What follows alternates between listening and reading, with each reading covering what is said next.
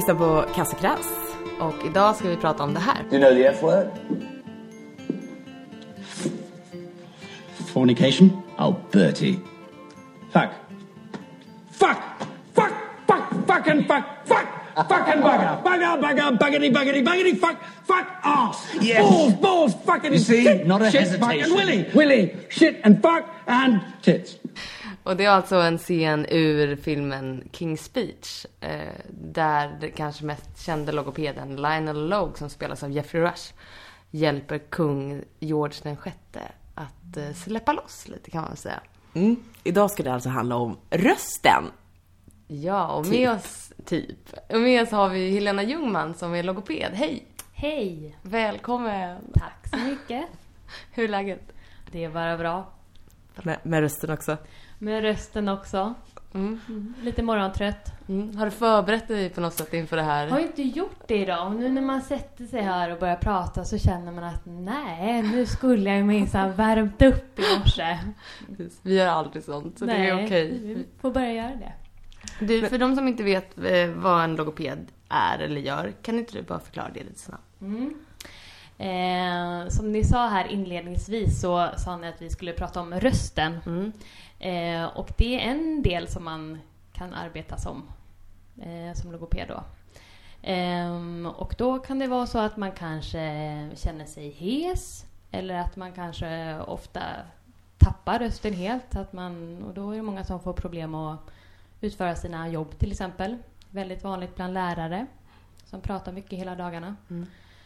Så att då eh, kan man behöva hjälp av en logoped och få lite koll på rösttekniken så att liksom rösten ska hålla bättre. Ehm, men förutom röst så kan man också jobba med språk. Eh, och då är det dels med kanske små barn eller barn överhuvudtaget som behöver hjälp att liksom komma igång och prata och liksom få ordning på hur är egentligen språket uppbyggt. Eh, men det kan ju också vara senare åldrar om man har läs och skrivsvårigheter. Så träffar man ofta en logoped som då utreder dyslexi. Just det, mm, det läste jag. Mm. Ehm, och sen så kan man ju även få språksvårigheter senare i livet. Till exempel om man får minnessvårigheter och någon typ av demens. Mm. Så är det vanligt att man får även svårt att liksom hitta rätt ord och uttrycka sig och sådär. Mm. Vad, vad, vad, vad gör en logoped då? Eller om vi, om vi säger det här med att utreda dyslexi, dyslexi till exempel. Mm. Vad, vad gör du som logoped då? Ja, nu jobbar inte jag som just Nej. liksom, sån typ av logoped, men det man gör ofta det är att man gör liksom en utredning, alltså då testar man eh, läs och skrivförmågan. Eh, och, och gör en väldig massa olika test för att se liksom, vad är det som är svårt. Så. Och sen så är ju en del i utredningen att man då kanske får, att man får diagnosen dyslexi. För att det kan man ju liksom bli, man kan liksom få ganska mycket hjälp med i skolan och sådär då om man faktiskt har en diagnos. Att det är liksom, för många är det viktigt att få diagnosen. Men, så då handlar det alltså inte så mycket om själva röstteknik och varför vi pratar på olika sätt utan då är det mer... Nej, då har det mer liksom med språket att göra kanske, ja. att du liksom Mm. svårt att... Mm. Men eh, talpedagog pratar man ju om ibland också. Ja. Vad är det för skillnad? Ja, alltså en talpedagog har, eh, det är liksom utbildningarna som är först då olika och eh, talpedagog då är man lärare i botten. Mhm. Eh, och det är väl, nu har inte jag träffat någon talpedagog men eh, då är det väl mer att man sitter kanske och liksom oftast med barn då som har svårt att liksom uttala vissa ljud och sådär så får man liksom träna på dem. Mm. Och det kan man också göra som logoped så att det går Okej. in i varandra lite. Ja. Mm. Men vad skulle du säga, vad är, vad, vad är din inriktning när det kommer till logopedi? Ja, jag jobbar med vuxna personer som har fått någon förvärvad hjärnskada. Som genom stroke till exempel? då, Till eller? exempel stroke. Mm. Precis. Ehm, så att, och då är det ofta så att ja, men, språket kan bli påverkat så att du liksom får väldigt svårt att hitta rätt ord och vet liksom inte... Antingen så hör du inte att det är rätt ord eller så har du svårt att uttrycka rätt så. Och vad är, det Eh, som, vad, vad är det som har, om man ska säga, gått sönder då? Ja, alltså du, det är ju ofta en skada i hjärnan Mm. som liksom gör att just där, där den här funktionen i hjärnan sitter är skadad och då blir det liksom svårt på det sättet. Och det, kan man då öva upp det eller hur, hur Ja, i, i bästa fall kan man det. Så. men det är samma sak där, att man kanske behöver en... Jag jobbar främst med patienter som kommer in akut och då gör man liksom en bedömning och ser ja, men vad finns det för funktion just nu och vad kan man liksom ja, vad kan man behöva och vad kan vi runt omkring göra för att det ska bli lättare för personen. Så. Mm. Alltså vi är, du spelar ju band och mm. sjunger och så. Mm. Och eh, vi jobbar ju också mycket med rösten liksom. Mm. Alltså vi har den här podden och Ida du sjunger också, och jag sjunger lite grann och jag jobbar med radio. Men, och det, hur, hur viktig är rösten liksom för oss som, vi jobbar ju med det men även de personerna som, eh, menar får man en stroke och man tappar sitt språk och sitt tal. Det, det, känns ju som att det är väldigt jobbigt. Så vad, vad betyder det för oss när vi får problem med vår röst? Då? Det är klart att det är ju individuellt så, vad ens röst betyder. Men för många personer så betyder det faktiskt väldigt, väldigt mycket. Mm. Och eh, det kan ju vara så att det är, det är sånt som man har tagit så självklart att liksom, men ja, ja, min röst den är ju jag liksom. Mm. Eh, och många sådär kan ju bli ganska men, förskräckta kanske när man, när man spelar in sig själv och lyssnar på. Så, men, låter jag verkligen så här Mm. liksom? Och det kan ju kännas ganska ovant och sådär. Så att många har ju en väldigt ja, men, speciellt förhållande till sin röst liksom. Och blir det då så att man kanske, ja, men, vissa personer som jag har eh, som har någon neurologisk sjukdom, då kan det vara så att då liksom förlorar man helt liksom rösten och talet. Och det blir ofta väldigt, väldigt smärtsamt liksom. Att man då kanske istället så kanske man får skriva och så är det då en annan röst som talar upp det här som man har skrivit. Och det är ju många som känner att men, det där är ju inte jag. Det är ju inte jag som säger det där även fast det är jag som uttrycker det på samma Mm. sätt. Men vad skulle du säga, om du måste säga så några saker som det här betyder rösten för oss? Ja, alltså jag tror det är liksom, rösten säger ju mycket om hur en Dels, man uttrycker ju så mycket med rösten. Mm. Att liksom, om man har pondus eller om man kanske är lite mer tillbakadragen och ehm, Ja, alltså jag, jag tror vi läser in väldigt mycket av en annan person just i rösten. Och sen om det är en, en människa som man känner väl, då kan du ju ofta höra direkt Ja, så här mår, nu tror jag att det verkar inte så bra med den personen idag. Det hör jag direkt liksom och sådär. Så Mm. Mm. man avslöjar ganska mycket med rösten Mm. tror jag. Men jag tänker så här. Om man då träffar en sån person som, som har varit med om det och man kan tänka sig då att det är en traumatisk upplevelse att, att eh, få en skada på rösten eller bli av med Mm. rösten. Eh, har du liksom någon form av terapeutisk utbildning som logoped? Eller, för, för när jag läste om det så verkar det som att, att ni jobbar som, som ett team. Liksom, Mm. att man, men är du bland de första som träffar dem och hur gör du liksom, om du märker att det är en väldigt ledsen person? Ja, alltså dels så kan ju vissa röststörningar kan ju också bero just på psykiska åkommor. Att det kan liksom, för att oftast är det så att när man, när man kommer till en logoped så, och liksom man har svårt att prata just för röstens skull, så brukar man göra en undersökning då man tittar ner på stämband, det gör man ofta hos en öron och halsläkare, Mm. och ser så att allt liksom anatomiskt ser okej ut liksom. Mm. För det är det man liksom vill ha, man vill veta det från början för att kunna jobba med någonting så. Och liksom i vissa fall så ser ju allt jättebra ut och, och sen tar man ju såklart upp en, man frågar patienten en massa frågor och då får man ju också reda på, men vad är ditt problem liksom och när händer det här med rösten och ja, man är lite detektiv där liksom och börjar leta vad, vad är det som kan vara svårt. Mm. Ehm, och då, ibland kan det vara så att man hittar liksom inte problemet. Nej. Men ehm, då är det ju ofta att det kanske är något liksom, psykiskt som gör att ja, man är väldigt stressad eller man är väldigt spänd och då sätter det sig på rösten. Mm. Men eh, om man inte, ja precis, om, man är, om det handlar om sådana saker man inte har varit med om, men man har inte fått en stroke eller så, Mm. utan man har upplevt, vad skulle du säga är det vanligaste vi gör fel typ med våra röster? Om det inte handlar om att man stammar eller man har ett... Mm. Då är det väl att man kanske att man liksom lägger sin röst i ett lite felaktigt taltonläge. Alltså Mhm. att många kanske, ja men, till exempel om man jobbar som lärare då och ska överrösta barn hela dagarna. Då kanske man liksom istället för att då använda ett liksom mjukt läge på rösten så kanske man går upp och börjar skrika liksom. Ja. Och det, då skadar du ju rösten och ligger du då mycket på den där nivån hela tiden så då kan det ju bli en slitning då på stämbanden till slut. Och det kan man ju se sen då och då får man liksom börja få en teknik som gör att man liksom kan läka ihop igen. Mm. Och, det, och är det en slags övning då? Att man att, så här, använder rösten på det här sättet eller gör man Ja, övningar? Precis. Vad, vad kan det vara liksom rent tekniskt? Eh, rent tekniskt så är det alltid så att, eller ofta så börjar man med att just eftersom det är andningen som styr rösten. Så att oftast får man gå några gånger och bara liksom lära sig andas på rätt sätt liksom. För att få en, ja, för att få en bättre Hur, hur andas man på rätt sätt? På rätt sätt så ska man tänka att när man... Eh, Ta ett djupt andetag. Så, så fort någon säger något om andningen så börjar man, eller jag i alla fall, tänka på det mycket mer. Ja. Ja, Andas med magen. Ja, precis. Andas med magen och det har ju många hört att man ska göra. Men hur gör man det då? Eh, man brukar tänka att när man andas in så ska magen liksom åka utåt lite så att man liksom fyller lungorna med luft. Så att vi andas in en gång. Mm. Och sen andas vi ut. Då åker luften ut.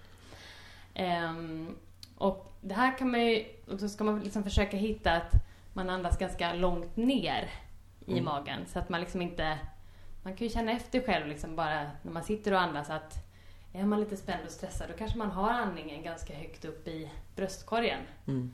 Men då kan man liksom försöka tänka att ja, men nu ska jag flytta min andning så långt ner som möjligt. För att liksom, Men vad gör det för rösten? Alltså är det för att ändå Skapar man ett lugn Man- i kroppen eller? Ja, så där eller- med kraft underifrån? För, ja, precis. För att du överhuvudtaget få en röst så måste du ha andningen, den måste liksom fungera. Mm. Ehm, så att du kan tänka att ja, men vi andas, luften kommer från lungorna och sen så upp genom stämbanden. Den sitter, nu är det svårt för er som lyssnar och se vart jag pekar, men ungefär mitten på halsen. Ehm, sitter stämbanden och de måste komma i rörelse. De måste börja svänga för att rösten ska bildas. Mm. Eh, och har du då svag andning och lite andning så kanske det inte blir tillräcklig svängning på stämbanden. Och då blir det ingen ton. Mm. Så att det är liksom, andningen är A och O för att få till det där. Det. Men Det är svårt då, då mm, om man är ovan då, liksom att fokusera på rösten. Man pra, vi pratar ju väldigt ofta. Precis. Så att, och det är ofta det som är det svåra att när man går i röstbehandling. Att liksom, även om man kanske kan göra övningar och sådär bra. Så är det svåra sen när man liksom ska brygga över till spontantalet. För att det är en sån otrolig vana att Ja. bara, man bara pratar som man alltid har gjort. Ja, precis. Precis. Men om, om, om, och det kanske är mer då om man har fått så skador och sånt. Men jag tänker o- om det, om det då handlar om när man har tappat rösten genom stroke eller så. Hur, vad, vad gör du för övningar då? Börjar man där också i, i andningen eller? Ja, alltså då är det oftast inte att man har tappat rösten. Alltså, Nej. det kan ju hända också av en skada. Men Ja. ofta är det mer talförmågan. Ja. Alltså just, och då är det liksom uppe i hjärnan det som styr när vi liksom talar. Mm. Eh, och då finns det ju någonting som man brukar kalla för afasi. Eller dysfasi brukar vi säga. Vad är skillnaden? Skillnaden är att afasi, då är det helt avsaknad av liksom, språket. Mm. Men oftast är det ju mer en, kanske, liksom, ja, dysfasi, en dysfunktion i det. Okej. Ehm, och då kan det ju se ut på jättemånga olika sätt Mm. såklart. Så att det beror ju utifrån det. Det beror ju på utifrån vad liksom, personen har för svårigheter. Hur jag jobbar med det. Men jag tycker ofta att det är att man jobbar med att, liksom, att personen ska bli medveten själv om att liksom, vad är mitt största problem och hur, vad kan jag göra för att det ska bli bättre? Ehm, för dels så kan ju man kan ju få svårigheter, svårigheter att liksom uppfatta, man kan liksom säga fel ord. Alltså, Alltså säga bok om katt, typ. Ja, Ja. precis. Och då, om du hela tiden säger bok till katt, då kan ju vi andra, ja ja men då förstår ju vi att det är det. Mm. Men om det hela tiden liksom kommer olika saker om allting och kanske också nonsensord, liksom Mhm. att det inte är riktiga Nej. ord och sådär. Då låter det ju väldigt märkligt för andra och är ju väldigt svårt att förstå. Och då är det ju viktigt att den personen liksom har insikt om att, att det inte låter bra. Eller att det liksom låter märkligt när man pratar. För annars så blir det ju väldigt svårt om jag bara pratar på eh, bla bla bla bla, bla och så är det ingen som liksom... Vad Det är hemskt lite det vad jobbigt, åh fy. Ja, för det blir lite, Verkligen ko- det, det blir ju komiskt, eller det, man, Ja, det på ett väldigt, Mm. på ett väldigt sorgligt sätt. Mm. Eller så här, Mm. ja. Men Jo, alltså, jag kan ju verkligen tänka mig att, att det, det är svårt att så här. Ja, men bara- bara får den bilden framför sig att en, en person bara sitter och pratar som Mm. att man har ett samtal och Mm. det är liksom bara mumbo jumbo som kommer Mm. ut. Alltså, det måste Precis. ju vara... Och då, och, och då är det ju några liksom, det måste ju vara signaler som bara skickas Precis. kors och tvärs. Mm. Och, och kan man, en sån person, om du har haft en sån patient, alltså går det att, att hjälpa en sån person? Ja, alltså framförallt då. Jag brukar ju träffa dem i ett ganska tidigt skede. Och då i början så kanske, då är det kanske mer att man gör en bedömning och ser att, ja, men vad är det som är svårt? Är det svårt att uttrycka sig? Eller är det svårt att ta in information och förstå vad andra säger? Det är ju ganska viktigt att liksom mm. För jag är tyvärr ganska ofta med om att liksom annan personal och sådär kanske säger att nej, nej, men den där personen förstår ingenting. Och sen så, Gör den det? så pratar man med dem och förstår att jo, man förstår allting men har själv svårt att uttrycka sig och det, det blandas ihop ganska ofta. Mm. Ja, det kan jag verkligen tänka mig. Och då blir man ju väldigt instängd om man liksom har en värld omkring sig där man förstår allting men har svårt att själv uttrycka och så ja, sätta andra människor med på det. Så då handlar det mycket om det, information till andra, vad, hur man liksom kan underlätta för personen. För det, för det när, man, när jag läste ut lite om det så, så kan det väl vara till exempel när man har en CP-skada. Mm, Att, att, att man kan förstå väldigt mycket men Mm. man har väldigt svårt att uttrycka sig. precis. Det, är- ja. Det är samma sak där. Mm. Men som svar på din fråga där om, om det kan bli bättre och det, Ja. det kan det ju absolut. Men just i första skedet så är det ju ofta hjärnskadan som kanske också läker och det brukar man säga att det är ungefär upp till ja, ett till två år liksom. Så det sker hela tiden en läkningsprocess. Och under den tiden så, så spontant förbättras man mycket. Men sen så är det ju viktigt att man får hjälp för att liksom kunna liksom förbättra sig ändå och liksom underlätta hela tiden så att inte man sitter där och känner sig alldeles ensam i det liksom. Mm. Alltså nu jobbar ju du med liksom, ja, hjärnskador och sånt på ett Mm. annat sätt men rösten är ändå en del av det här Mm, liksom. absolut. Eller talet, hur, Mm. vi, hur vi pratar och så. så. Har du, sen du blev logoped, Mm. tänker du annorlunda när du träffar folk liksom? Tänker du på hur man pratar? Ja, det tror jag att jag gör. Men sen tror jag att det är, det är nog lite olika skolor i det också. Hur man liksom... Förr var det nog mer vanligt att man tyckte liksom att ja, men man ska prata tydligt hela tiden och det är liksom viktigt här att använda stödet hela tiden och sådär. Och jag kan nog mer tycka att, eller jag tycker att det är väldigt intressant med röster, men det är också intressant, eller det som är intressant är skillnaden i röster och vad som gör en röst personlig.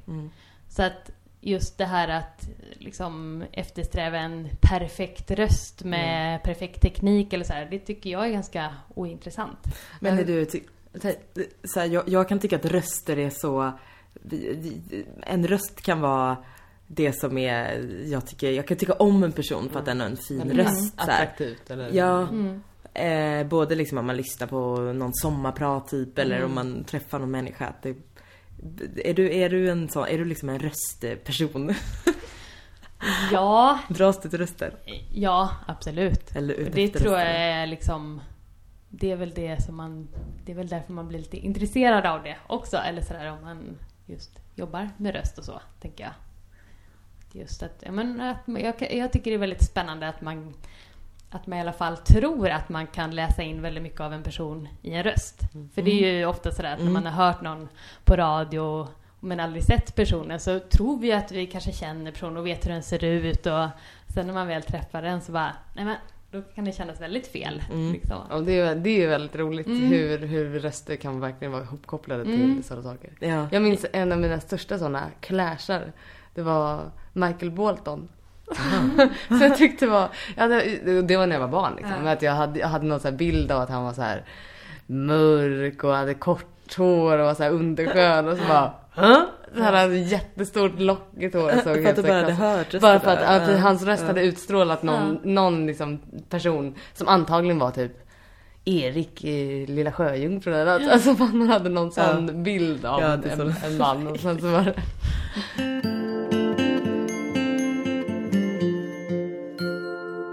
Det kanske inte alls är inne på ditt spår liksom. Men eh, vad, olika typer av röster, vad säger de liksom? Vad säger en... en eh, om, man är, om man är en... Eller i vilka sammanhang ska man använda olika röster? Typ så då? Ja, alltså framförallt tror jag väl att det kan vara bra att nej men, tänka över hur man, hur man vill uppfattas eller, eller kanske om man då har ett yrke där man pratar mycket och liksom andra lyssnar på en.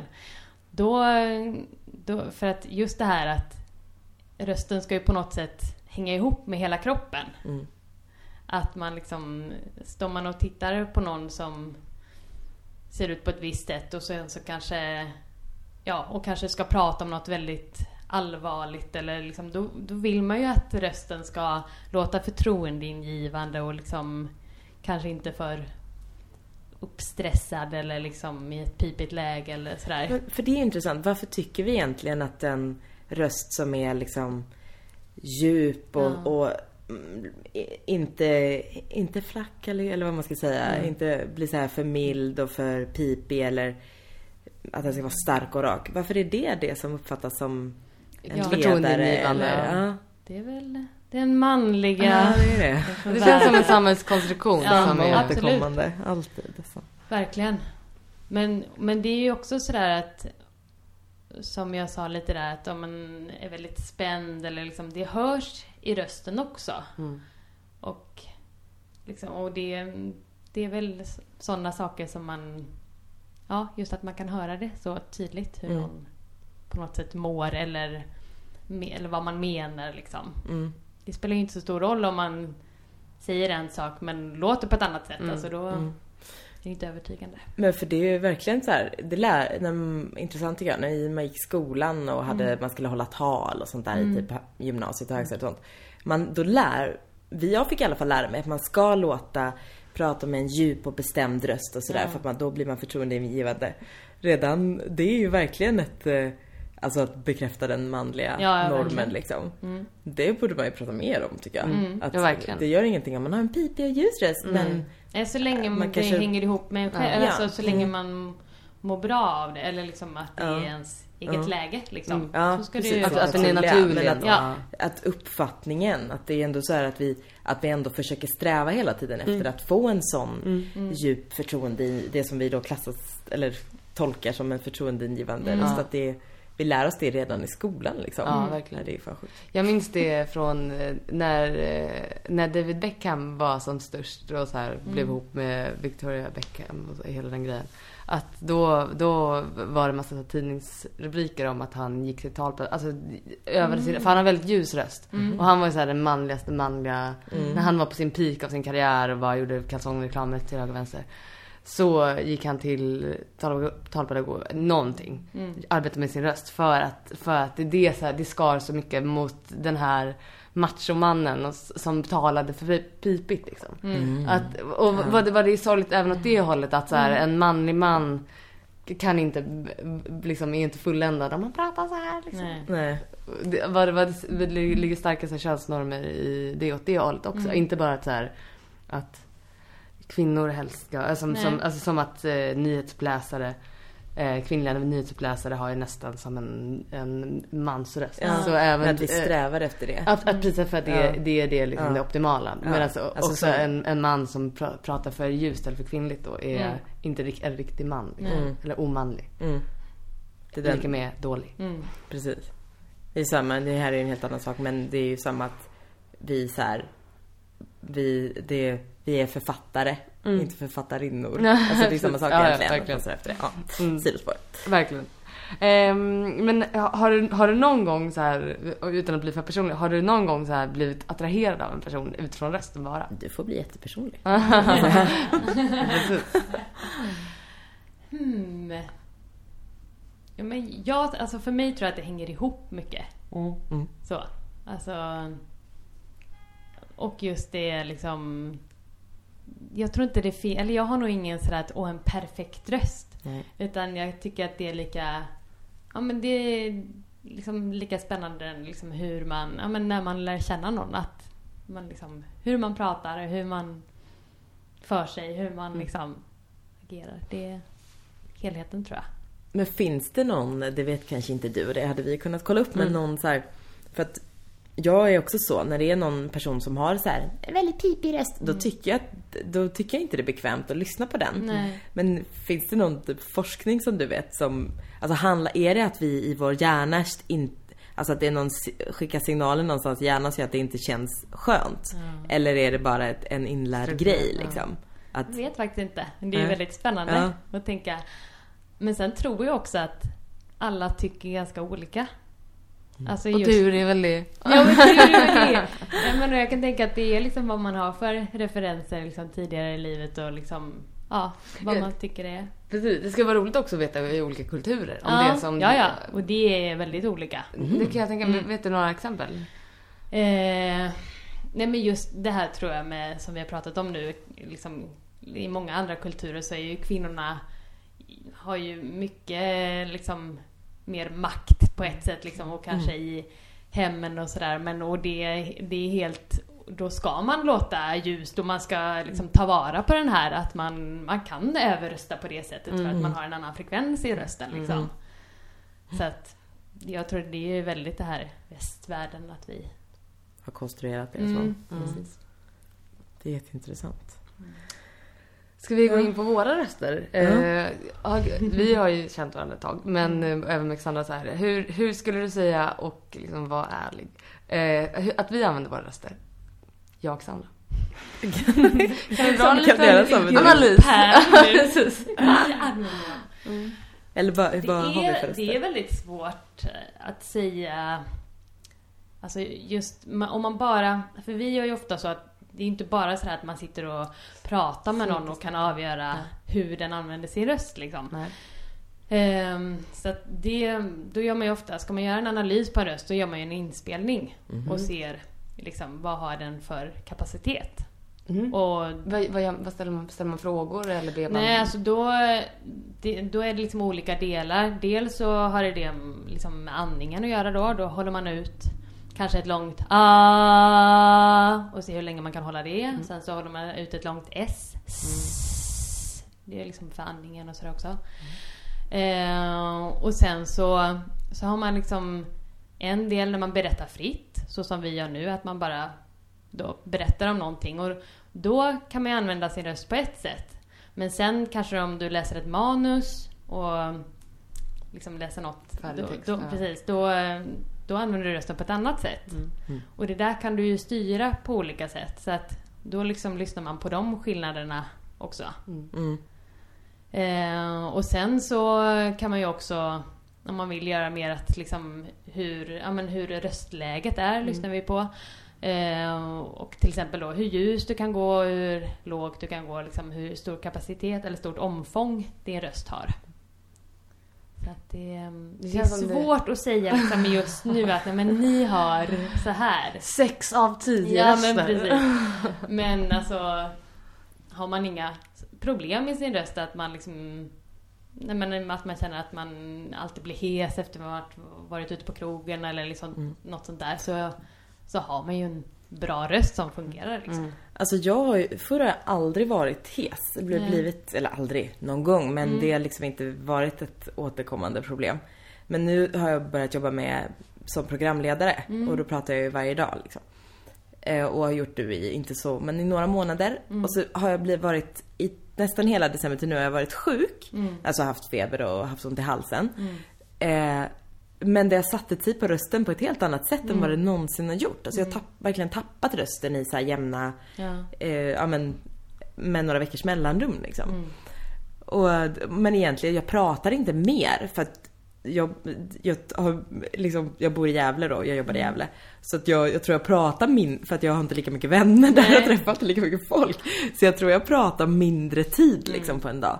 Men Väldigt Ja men vad beror det på då? timmarna. Ja, eller, Eller jag jobbar också sätt. på morgonen. Det kanske också spelar in att det, jag börjar tidigt liksom att jag går från att ha sovit till att plötsligt börja prata Mm. så här. Ja, för att antagligen använder du ju din röst på ett annat sätt. Att du kanske är mer, ja men du är liksom mer fokuserad hela tiden och det ska låta på ett visst sätt. Det är inte som när du sitter och pratar med dina vänner. Nej. Så att det är antagligen en liksom annan belastning Mm. på rösten nu liksom. Och sen det här, får man en infektion, alltså liksom att man börjar få lite ont i halsen och sådär. Det, det sätter sig i halsen och det kan ju ta liksom ett par veckor att liksom Mm. bli fri från det. Och har man då ett röstkrävande yrke som man, att man går och gör samma sak varje dag, det är klart att det sliter. Mm. Och det tar längre tid att bli frisk från det liksom. Mm. Jag fick order om att vara tyst. Ja. Det är inte så himla enkelt. Man är hemma i två dagar och är lite tyst. nej. Men borde jag så här öva, på, eller mm, Värma upp värma upp ja, precis, på morgonen? För jag börjar liksom ja, alltså klockan det är ingen, sex. Ja, precis. Det är väl ingen dum idé heller så. Nej. Att liksom... Vad ja, kan jag men, göra då? då? Ja men då skulle jag nog säga att du kan liksom, ja men dels börja tänka på andningen så att du kanske inte liksom börjar prata här uppe här liksom så, Nej. utan Mm. försöka hitta en lugn och Mm. liksom lugn andning. Och sen att man kanske, ja men tar ganska mjuka ljud och då brukar man säga ett, ett M-ljud. Mm. Det är ganska mjukt. Det känns ofta ganska skönt för halsen. Eh, och till exempel om man gäspar, kan du prova? Då är man väldigt avspänd i svalget. Så det kan vara, nu, nu, med en gång hörde man. Ja. Mm. Ja precis, jag göra lite så. Precis. innan, ja. Så att man liksom börjar med det och inte börjar med någon spänning liksom. Ja. Bra, det ska jag göra. Mm. Du prova. Absolut. Jag med. Eh, men du, du spelar ju som sagt i inte bara ett utan flera band som jag i perioder i alla fall. Eh, och sjunger. Eh, hur sammankopplat skulle du säga att eh, logopedi, och i ditt fall i varje fall, ha, är med musiken? Alltså är det vanligt att folk som spelar musik så intresserar sig av logopedi? Ja, ehm, det tror jag. Det är, jag har inga färska siffror på det heller, men man träffar väldigt många logopeder som är musikintresserade och sångintresserade. Så. så det är väl...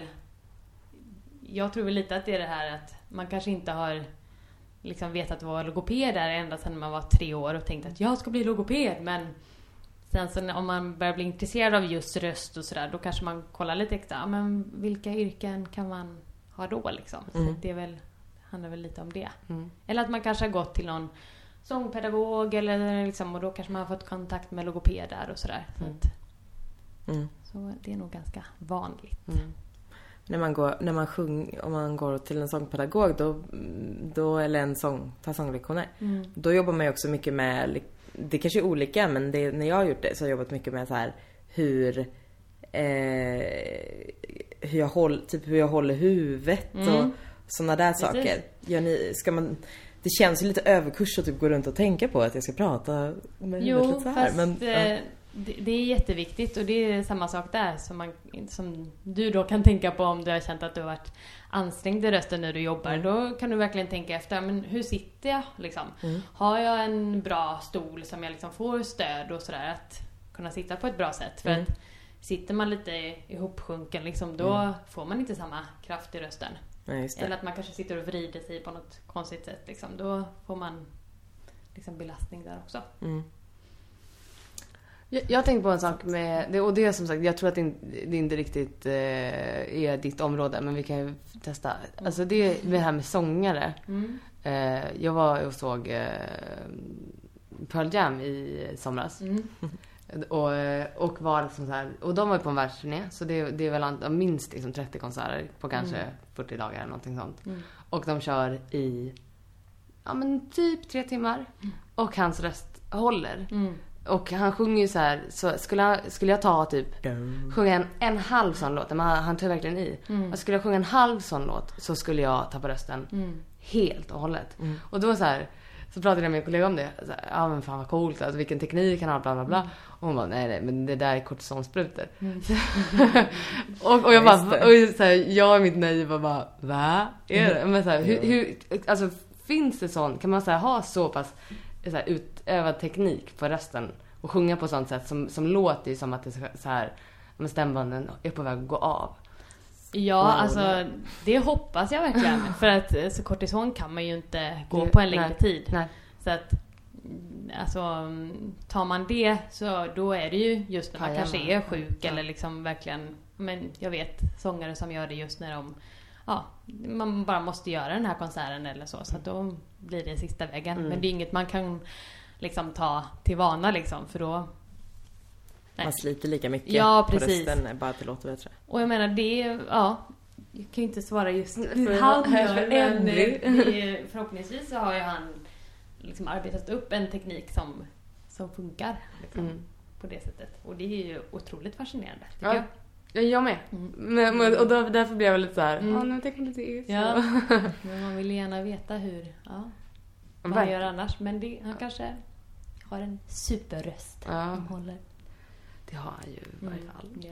Ja. Eh, men du, kan vi inte, kan vi inte, det så vi pratade om det lite innan eh, och att det kanske inte blir så bra radio eller podd. Men kan vi inte testa att göra en röstövning? Ja, absolut. Ehm, vi börjar då med att göra som vi provade på alldeles nyss, att man kan liksom bara man kan blunda lite Mm. och så sitter ni och tänker lite också. på, ja precis, sitter ni och tänker lite på var i kroppen som det liksom känns när ni andas. Så man kan känna efter lite med handen liksom längs bröstkorgen och sen så längre ner i magen. Andas man med näsan eller med munnen? Det får man göra som man vill. Men det viktiga är att man liksom inte ska känna att man spänner käkar eller sådär. Så. Mm. Och sen så gör vi sådär, som jag sa, att när man andas in, då tänker man liksom att ja, men nu ska lungorna fyllas med luft. Och då kommer magen åka utåt. Och sen när vi andas ut, då åker magen inåt.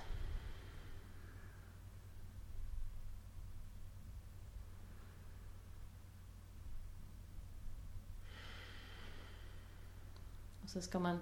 Det är jättebra att, ni, att det hörs att ni andas men man kan försöka göra det lite lugnt så man liksom inte pressar för mycket så att det bara är en, liksom ganska mjukt hela tiden. Och så tar vi och andas in en gång. Sen andas vi ut på ett S.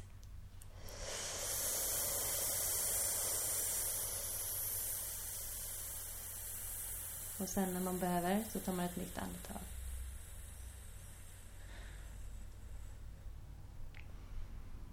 Och då kände ni att då fylls magen med luft. Och då kan man tänka, om ni tittar på mig en gång, att det inte ska bli som att man liksom, när man andas in, att det blir att man drar in så här. Utan att det verkligen är magen som ska liksom åka ut då. Mm. Och nu menar jag för er lyssnare att man inte ska dra upp liksom, axlarna eller bröstkorgen och sådär. Så att det är magen som styr det. Mm. Så tänk att det är liksom, det är här som styr hela tiden. Och sen andas in. Och så kan man också tänka på att man är väldigt avslappnad i käkarna. För det låter ju skillnad om man till exempel säger ett s eller ett Ah. Ja, så. Så att man liksom tänker på att man är avspänd så. Är det stämband nu vi övar på nu? Eller, eller vad gör det här med stämband Nej. skulle du säga? Just nu gör det ingenting, Ingenting? med stämbanden. Inte när man gör ens- ju, Nu använder vi våra stämband men inte, I inte övningen. Nej, som vi inte det är bara handlingen. Mm, precis. Det är inte så bara. Ehm, och det är ju liksom just för att om man ska få en kraftfull, liksom, eller liksom att rösten ska hålla, du ska kunna säga flera saker, då är måste du ju hålla allt på ett, på ett andetag liksom innan du andas in igen. Mm. Så att det, liksom, det där kan man träna ganska mycket, att man, liksom, man säger långa sådana här S och sen så andas in.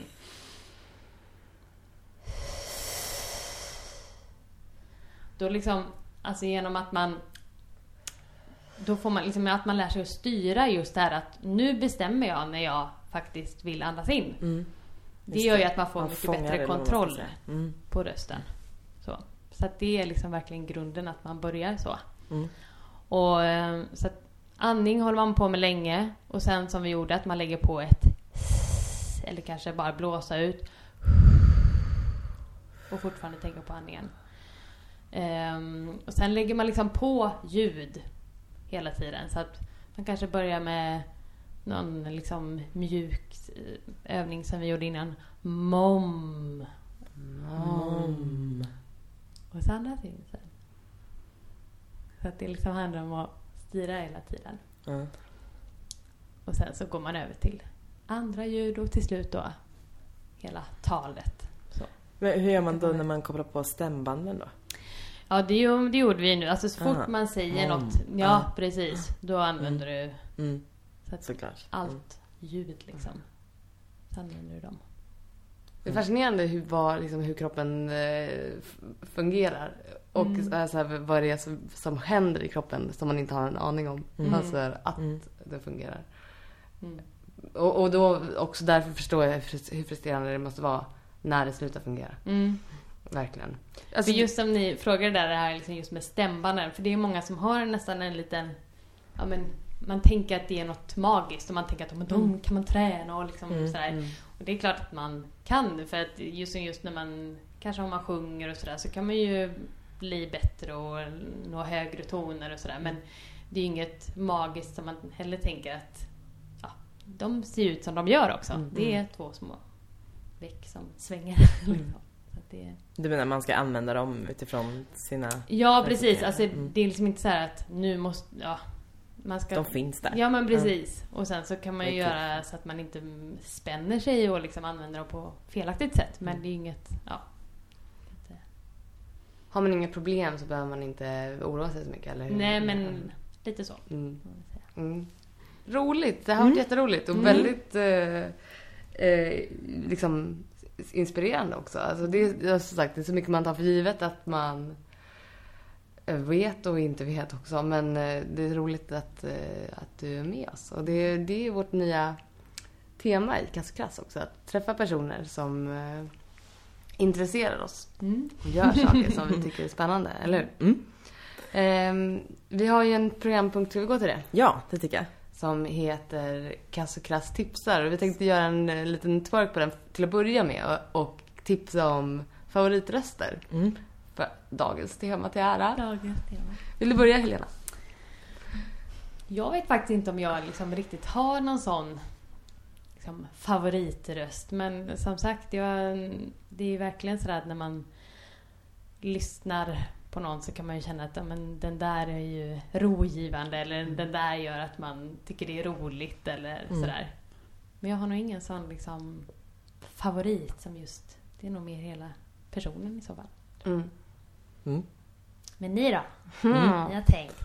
Ja, inte så Eh, jättemycket. nej, Börja inte du. heller. Och jag känner lite, eh, när vi pratade om eh, det här med att, när vi kom in på liksom vi, vad olika röster signalerar. Mm. Att då, jag tycker ju verkligen om så här klassiskt eh, röster som är djupa, Mm. förtroendeingivande, de känns liksom ehm, de känns intressanta av den anledningen liksom.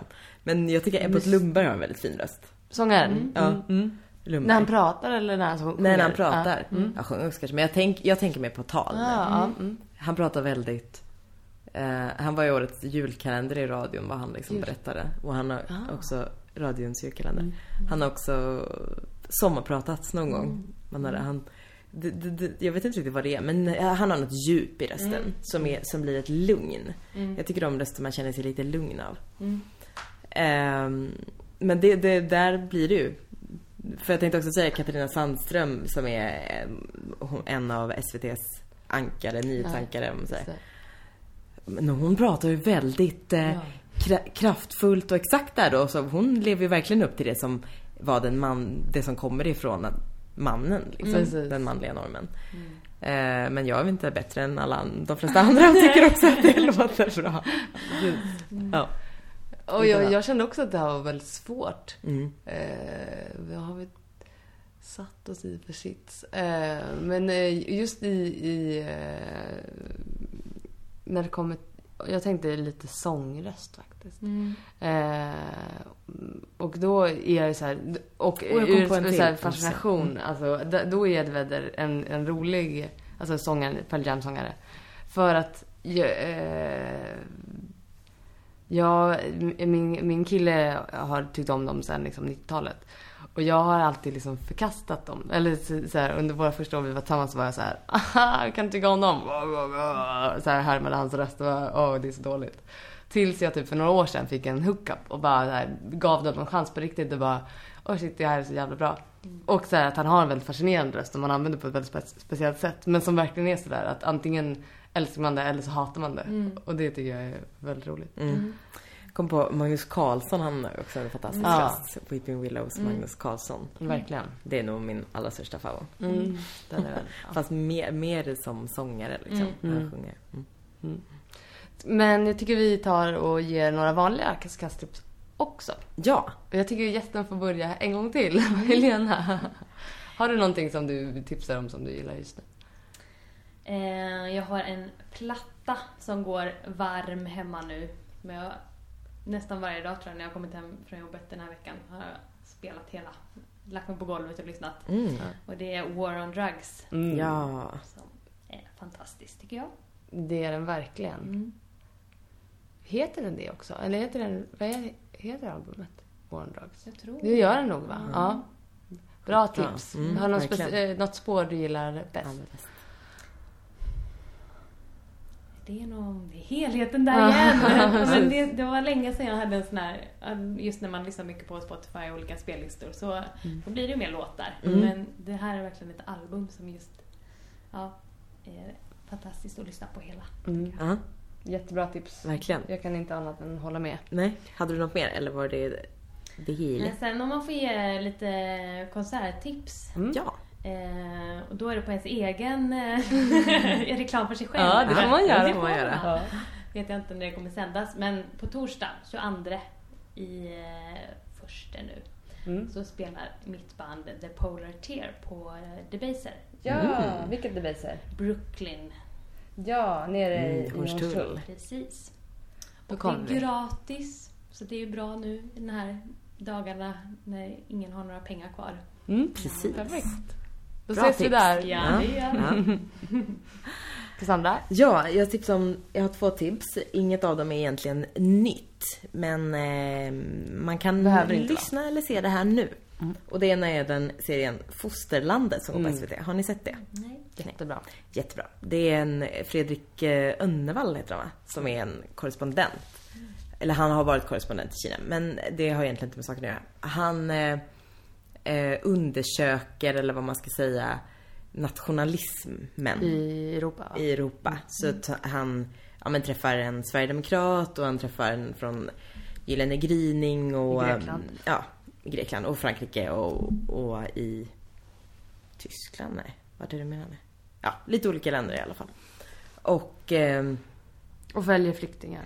och ja, precis, alltså, hans eh, grundfråga är väl typ så här att han ska på något vis försöka inom citationstecken först, eller försöka kanske inte vara inom citationstecken utan förstå inom citationstecken eh, de, allt från de olika hållen liksom. Nationalister och, Ja. och de som är deras just nu största hatobjekt. Det vill säga liksom, eh, flyktingar. Alltså ja, det de kämpar emot. Liksom. Mm. Ja, den är väldigt bra. Ja, och det blir väldigt intressant i så här, jag ska inte gå in och prata för mycket om den här nu, men i eh, liksom när man tittar på Gyllene gryning som man tänker är väldigt, eller ja, alltså de är ju rasistiska, de säger det i Ja, de är själva liksom. precis. nazister. Ja, men det blir en väldigt snygg jämförelse mellan de olika länderna i att eh, Ja, jag ska inte gå in för mycket på det för då blir det jag för politisk här som jag inte får vara. Men den kan jag säga. Sen eh, har ni lyssnat på en podcast som finns på Expressen, eller som Expressen gör, som heter 60 minuter med Erik Skylt. Nej, men jag har läst om den. Ja, den är, alltså det, jag skulle inte säga att det är min favoritpodcast, men den är intressant. Framförallt för att han pratar med ganska intressanta personer. Ja, det är ett, in- Det en intervjupodcast. eller? Ja, en intervjupodcast med liksom väldigt högt uppsatta kulturpersoner. Har du något special, eller speciellt program tipsa om? Nina Björk var med i ett program, det var väldigt eh, bra. Gösta Ekman var med i det första och det var också, för han men jag har inte hört så jättemycket Nej. i sådana långa intervjuer. Och han är en intressant person. Mm. Eh, ja, den kan man lyssna på. Verkligen. Bra tips. Eh, jag, eh, mina tips är inte heller helt dagsfärska. Men eh, jag skulle vilja tipsa om eh, en serie som heter The Affair. Som går på, eller som finns på HBO. HBO Nordic. Eh, som är, ja jag tycker den är väldigt bra. Det är en dramaserie som eh, handlar om då en eh, kärleksaffär. Och är väldigt speciellt gjord. Den vann några Golden Globes nu i helgen. Eh, men den, den, den är, alla avsnitt, jag tror att det är tio avsnitt, är upp, uppdelade i hennes sida och hans sida. Så de första 30 minuterna är eh, faktiskt oftast killens eh, liksom del. Så är de ett par eller är det de som har en affär? De har en affär. Ja. Eh, och eh, och i, i, till en början, alltså de, det, det är olika grepp liksom. Men till en början så får man verkligen känsla av så här, hur de träffas, hur han upplever det och hur hon upplever det. Och de har så här, ofta, det är väldigt roligt med så här, hur är, är sanningen eh, hur, den, hur subjektiv sanningen är. Så de har olika kläder, så här, hur de minns varandra. Och hon är alltid typ mycket vackrare i hans liksom, del och han, han kommer alltid ihåg fel kläder. Alltså, så här, De leker med sådana saker väldigt mycket. Och eh, den är väldigt... Alltså det är en väldigt speciell kärlekshistoria för man, man vill verkligen inte att de ska vara kär. Alltså det här, man, det, det, man slits liksom hela tiden mellan så här, nej men gör inte, gör inte. För att, för att den är... Eh, ja, det är inte en vanlig kärleksserie utan man, man hoppas liksom inte på kärleken Nej. i det här fallet. Mm. Väl, ja, jag tycker den är bra. Dominic West är, som är en av huvudkaraktärerna i The Wire spelar mannen då och jag tror hon heter Ruth Wil- Wilson som spelar kvinnan. De är jättebra. Det var tips nummer ett. Och mitt tips nummer två är också en platta. Eh, fast som är lite äldre än eh, War on Drugs.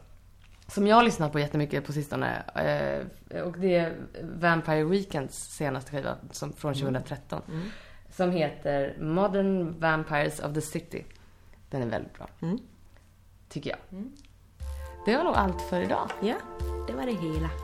Tack Helena Ljungman Tackar. för att du var med. Jätteroligt. Tack Cassandra. Ja, tack Ida. Tack för att ni har lyssnat. Hej då.